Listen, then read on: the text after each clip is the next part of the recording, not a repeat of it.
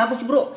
Sehektik itu sesibuk itu kah? Apa sampai tiap minggu tuh bisa berapa rapat tuh seminggu? Sampai gue bilang rapat rapat tapi nggak ada hasilnya. Sebenarnya semua awal mula kegiatan gua uh, kesibukan yang gua uh, ikutin itu karena hati gua ngelihat satu kebutuhan aja sih, Bang. Waktu awal mula itu bareng sama teman-teman gua, tapi karena satu dan lain hal akhirnya foundernya yang bertahan gua. jadi lu nggak percaya orang eh ini apa eh, tanda kutip diciptakan bodoh Ya enggak dong. Iya beneran gua. Gua masih ingat sekarang. Uh, dulu lu waktu khotbah gua kayaknya datang ming uh, keduanya dia datang di Faircom lu tanya uh, tentang apa namanya kenapa Tuhan memberikan keselamatan itu gratis. Akhirnya lama-lama gue jadi ngerti gimana caranya harus meng, meng- apa namanya menghandle orang tua gue dalam artian uh, gimana gue harus memberikan jawaban yang bijak gitu ya nggak memaksa kayak begitu. lu pacaran tuh orang tua lu pengennya tuh yang bagaimana sih emang? Kayaknya sih yang bener-bener 100% bakal sesuai sama bokap nyokap gue terutama nyokap gue Iya. kayaknya nggak ada. Lu playboy ya? Hah? lu playboy Bu- beberapa kali pacaran bukan pacaran sama beberapa orang itu beda. Eh jujur lo ya jujur lo sebenarnya segmen lo ini tuh bukan lu.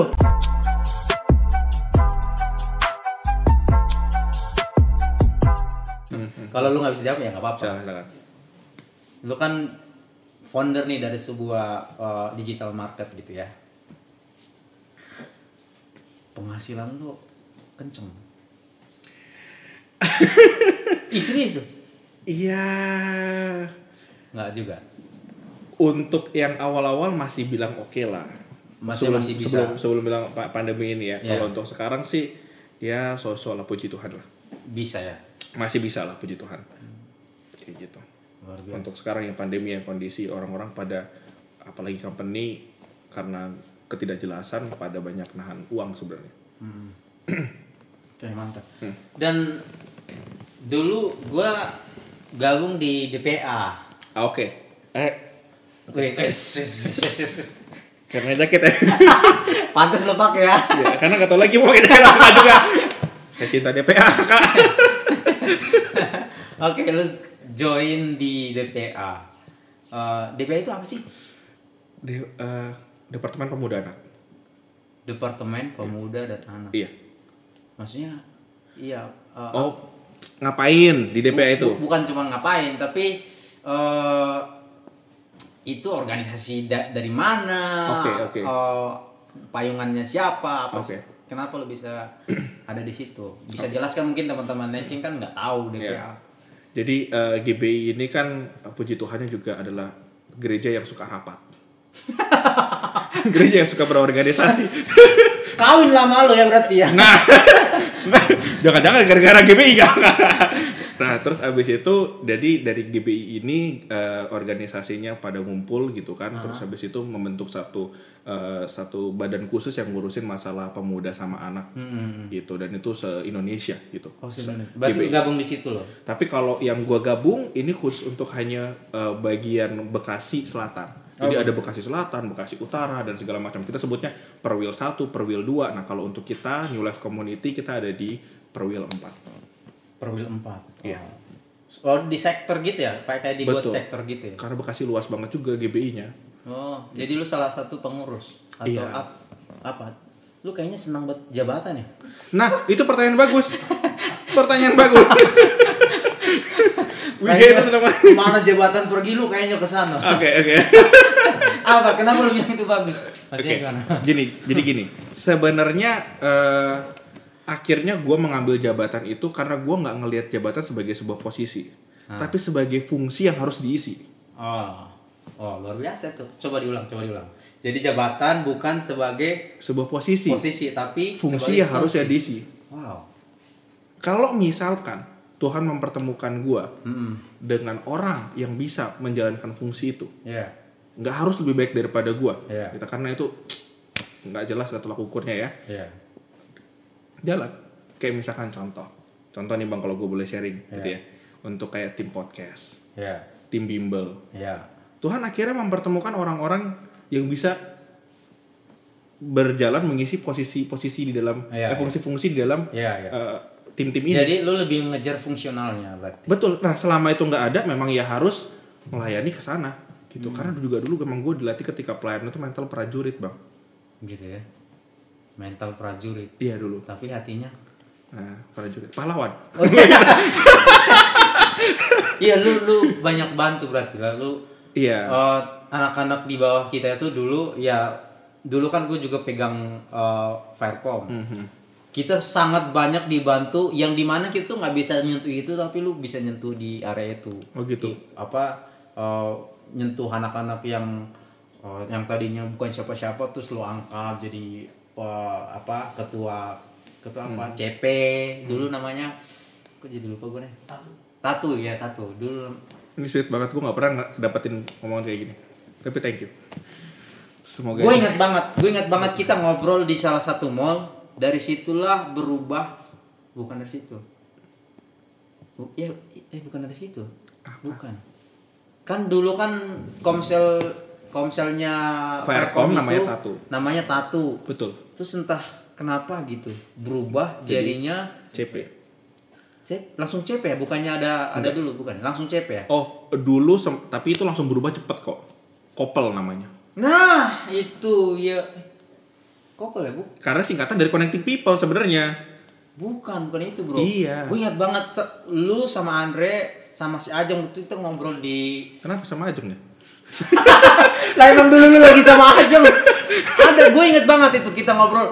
Lu tuh banyak banget dulu diskusi sama gue sampai eh, si Jack ini Senin nih pasti ini nih nonton nih kita samperin apa segala macam kita ngobrol di Grand M masih baru-baru waktu itu kita ngobrol banyak hal tentang anak-anak eh, Firecom Oke, dan oke. di situlah muncul apa eh, nama perubahan identitas karena dulu eh, image-nya adalah Komsel itu tong karena namanya tongkrongan Nah, anak-anak Tuhan jadi, jadi bener-bener nongkrong, nongkrong kita nggak ngebahas firman Tuhan kita Iya. nggak ngebahas Benar. soal kehidupan mereka akhirnya berubah wajahnya tuh pada waktu Benar, itu benar. berubah jadinya kita lebih ke arah eh, gimana spiritualitas sipir ah, Spiritual. spiritualitas anak-anak Faircom itu kita rawat gitu dan Iya. lu berperan di situ bro iya puji Tuhan bang lu berperan di situ dan makanya gue bilang ini anak potensi. Ciwijaya itu potensi. Nah maksud gue adalah lu bisa nggak bagi spirit itu ke teman-teman next gen supaya apa? Lu kan nggak mungkin sekarang lu udah bilang tadi 26 nah 25 25 oke 25 26. sekarang udah 2021 Hmm. gimana gimana apa tipsnya atau bisa nggak lo kasih ke kita supaya hati lo yang tadi itu ya kalau lo nggak mau dibilang itu luar biasa oke lah lu punya hati di situ bagikan ke teman-teman supaya apa ada regenerasi Oke, oke. Kalau gua akhirnya pun mengolah kenapa akhirnya karena ini sulit ya bang membahasakan kenapa akhirnya kita bisa jadi seperti ini sekarang supaya orang lain pun bisa bisa bisa mengikuti, mengikuti kan. jejaknya tuh Stepnya uh, lebih clear gitu iya, kan, supaya nggak. Hmm. nggak terputus gitu loh maksud gua Oke, yang pasti sih begini teman-teman. Kalau di mana-mana yang gue yakinin, ya kalau lu melayani Tuhan, lu pasti peduli sama hatinya Tuhan dan, Hmm. Iya kan? Dan hatinya Tuhan itu pasti nggak mungkin jauh-jauh dari jiwa-jiwa, hatinya Tuhan nggak jauh-jauh dari jiwa-jiwa. jiwa-jiwa. Makanya seorang Wijaya selalu ketemunya dengan jiwa-jiwa orang betul segala betul. macam. dan gue coba untuk upgrade diri gue gue berdoa sama Tuhan. Terinspirasi dari Koweli ya kan? Gue coba untuk medium untuk menjangkau jiwa-jiwa yang lebih fun yang lebih uh, powerful lagi apa? Kegiatan-kegiatan itu bang. Mm-mm. kayak bimbel podcast uh, ntar di CP mau ngadain kegiatan apa pun kayak gitu. Jadi nggak cuma hanya sekedar nanti nongkrong ngobrol masalah hidup tapi juga ada satu wadah untuk bisa apa namanya mendekatkan kita sama anak-anak itu ya kan? Berbagi hidup sama-sama mempertajam hidup melalui dari kegiatan bersama itu Nah, oke. Luar biasa. Itu itu pencerahan. Itu oh itu semoga teman-teman Iya. uh, di rumah nangkap apa yang lo sebut tadi. Nah, gue agak balik lagi nih sedikit Oke. nih. Uh, waktu lo SMA. Pasti kan uh, lu dulu waktu SMA pasti pengen uh, ke jenjang yang apa dari awal lu udah mau udah gue bagian gue ini adalah bagian gua atau passion gua adalah teknik apa tadi teknik teknik industri oh, industri Ah, jurusan. ya dan lain sebagainya Mhm. itu emang sudah dari awal atau lu ada kepikiran dulu ke ke ke mana? Kayaknya banyak anak Faircom juga yang udah tahu bahwa saya adalah korban gagal masuk kedokteran. iya, betul. Dulu pengen banget masuk kedokteran sih. Iya, ken tapi kenapa nggak kenapa nggak jadi? Ya nggak diterima bang. Oh. itu doang. Dan waktu itu orang tua saya cukup cerdas untuk memberikan statement bahwa hanya PTN. Kalau nggak dapat PTN ya sudah. Begitu. Itu pun sejarahnya kenapa akhirnya ngambil dua jurusan, Ah. ya kan? Jadi bokap gua pengennya itu masuknya eh, gua manajemen bisnis gitu. Iya. Mungkin karena bokap gua eh, ada megang usaha gitu kan. Nah, sedangkan gua tuh dari awal tuh stigma gua gua nggak mau gitu berbisnis yang yang yang dalam artian jaga-jaga jaga-jaga Jaga toko atau apa kayak gitu-gitu gitu. ya. Iya. Terus habis itu eh, sempat tuh nyampe di apa admisinya binus Hmm. bagian pendaftaran ya kan masih debat dulu itu sama bokap gua gua nggak mau yang bisnis gua maunya yang jurusannya ada IPA-nya ya kan karena gua SMA-nya dari IPA Ah. Iya, iya. bokap gua maunya bisnis nah dilihat sama si inilah malaikat di admis ini Ini Pelayan ini. teman-teman, teman-teman ini julukan yang baru gua. Ini si gagal dokter ini. si gagal. Iya, bener akhirnya ditawarin ya udah pak kalau mau ini ambil dua langsung dua, jurusan aja Oh gitu. teknik industri sama manajemen itulah oh gitu baru tahu jadi awal awalnya nggak tahu tentang jurusan ini Oh. baru tahu di sana Tapi jujur nih, jujur gue mau nanya nih. Ketika lo gagal, gue bilang aja, kita bi- Iya. bilang aja dulu nih Gak gagal ya. gak apa. Ketika lo gagal sebagai yang tadinya Hmm, lo pengen dokter, ya yang sekarang lo nikmatin, ya eh, adakah pelajaran yang lo bisa tangkap? Atau untung atau atau bisa jadi gini, untung ya gue nggak jadi dulu. Atau sebaliknya lo masih tersimpan tuh rapat di hati lo. Kenapa dulu gue nggak jadi dokter gitu?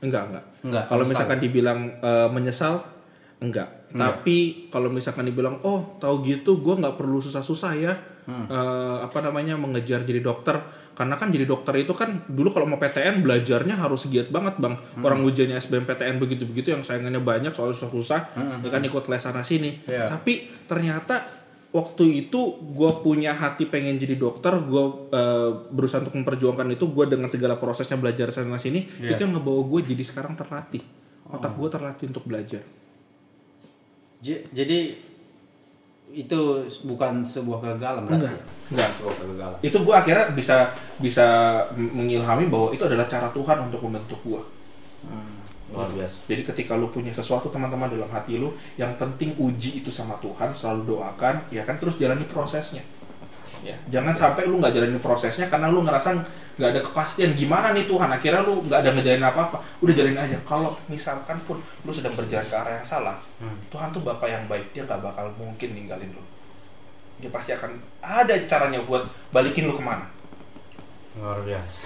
that's our Itulah Tuhan kita, itulah Iya. Bapak kita ya. Jadi yes sebenarnya kata gagal itu tidak ada dalam kamusnya surga. nggak ada ada karena oh, meskipun even seorang Wijaya gagal menjadi seorang dokter, tapi Tuhan bagi Tuhan dan ternyata Wijaya juga mengkonfirmasi bahwa itu bukan sebuah kegagalan. bukan bukan Itu Iya. sebagai bentuk tadi proses tadi. iya iya Berarti lu percaya dong, selain ini masih ada lagi yang lebih besar. iya benar Nah, benar menyangkut itu nih, kalau lu percaya 2020 kemarin, eh ya kemarin di segmen eh, sebelumnya gue sempat singgung bahwa banyak postingan-postingan orang tentang 2020 Iya. banyak kesulitan segala Iya, iya, macam. iya. Nah, mimpi lo atau semangat lo di tahun 2021 ini selain dari di Vitek, terus lo podcast ini dan yang lain-lain, adakah yang pengen lo capai atau kerinduan gua ya entah itu kerinduan lo secara pribadi atau secara secara apa tuh bilangnya secara perusahaan yang sedang lo pimpin sekarang. Oke oke. Dan juga gini bro eh, semangat di 2020 atau ya apa yang sudah lo capai apakah itu sebuah pencapaian yang udah wah gue udah ada nih di titik pencapaian tertinggi gue atau di 2021 ini ada hal lain yang mungkin siapa tahu ya gue nggak tahu oh ya mungkin lu se- ada juga mimpi-mimpi gitu di tahun 2021 ada nggak atau lu udah berhenti Enggak dong. Kalau untuk bermimpi berhenti enggak dong. Hmm. Tapi yang jelas 2021 ini tentunya masih pada satu sikap hati yang sama Mhm. gue berdoa supaya Tuhan bisa pakai gue untuk membantu orang lebih banyak lagi lebih baik lagi karena itu pun yang akhirnya men- me- me- me- melandasi gue kenapa akhirnya gue waktu itu bikin Divitek ini bang semua itu hanya karena tujuannya yang membantu orang lain Oh. kayak gitu karena dulu zamannya mungkin beberapa tahun yang lalu eh, digital marketing itu something yang masih absurd tapi kita tahu itu apa namanya sangat membantu banget buat Hmm. usaha-usaha ya kan ya itulah makanya gue coba untuk bikin itu Ya, jadi selain yang lo geluti sekarang, berarti rencana 2021 yang spesifik belum ada. Spesifiknya belum ada Belum tapi ada. kalau untuk ke depannya gue pengen ada satu kerinduan sih Apa tuh, kalau boleh tahu?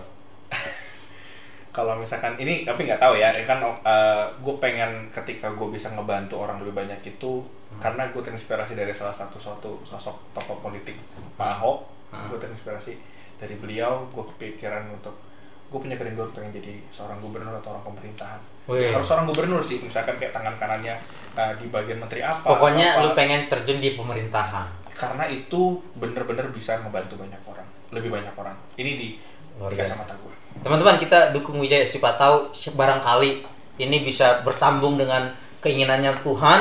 Istilahnya benar. di dijahit sama Iya. kerinduannya Tuhan, lu bisa bisa masuk nanti di pemerintahan. Tapi jangan lupa kita-kita nanti. Iya. Ntar lu sombong banget lagi. kita mau ngajak rapat nih. Jai, ini podcast udah hancur nih nggak jalan nih gara-gara lo ke pemerintahan gitu lagi. Jadi kita kehilangan sosok gitu. Nggak, nggak lah. pasti di sini ba- banyak kok sebenarnya orang-orang yang gue bilang malah jauh lebih hebat daripada gue di podcast ini ataupun di tempat-tempat bagian gue yang lain ya. Luar biasa. Puji Tuhannya, Tuhan bekerja luar biasa kok bukan karena satu orang, bukan karena Wijaya. Semua karena Tuhan ya. Iya, benar. Oke, Jai, terakhir nih. Ya, Pesan untuk teman-teman kita di rumah yang menyaksikan podcast Suara Nation ini. Pesan buat mereka sebagai kita kaum muda, apa yang harus kita lakukan di masa yang serba sulit ini di tahun 2021 ini. Pesan-pesan. baik. Oke, eh, teman-teman, gue mau konsisten ngomong sama semua teman-teman dan bahkan adik-adik adik-adikan gue. Ya. Nah, jadi gini teman-teman, Tuhan itu nggak sembarangan menciptakan kita, ngebuat kita ada di dunia ini. Dan Tuhan sudah eh, menentukan visinya, sudah menentukan kerinduannya atas hidup kita. Jadi walaupun ada masalah-masalah kita kemarin gitu ya, atau bukan sampai sekarang lu masih ada masalah, lu mesti harus ingat Tuhan tuh tahu lu lagi ada masalah. Lu Hmm. cuma tinggal perlu datang ke Dia dan sabar menunggu pertolongan nyatanya. Hmm. Kayak gitu aja, pasti semua akan berjalan kok dengan sebaik mungkin. Karena gue juga berpikir ketika kita mencoba untuk lari dari jalannya Tuhan, kita coba untuk berpikir untuk memakai jalannya kita sendiri, Iya. nggak akan bisa. Karena manusia lawan Tuhan tuh nggak akan pernah bisa menang. Jadi lu mau nggak mau, mendingan dari sekarang aja, lu udah mulai melatih diri lu buat ngikut Tuhan. Wah. Thank you, Jai. Yes. Semoga teman-teman di rumah bisa menangkap apa yang kita sudah bicarakan hari ini dan thank you loh Ya. sudah bisa hadir di sini. Sebenarnya semuanya ini karena lu. Nggak lah, karena tim thank you tim. Oke, thank you. Sampai jumpa. God bless you. Oke, bye bye. Sampai jumpa di segmen berikutnya.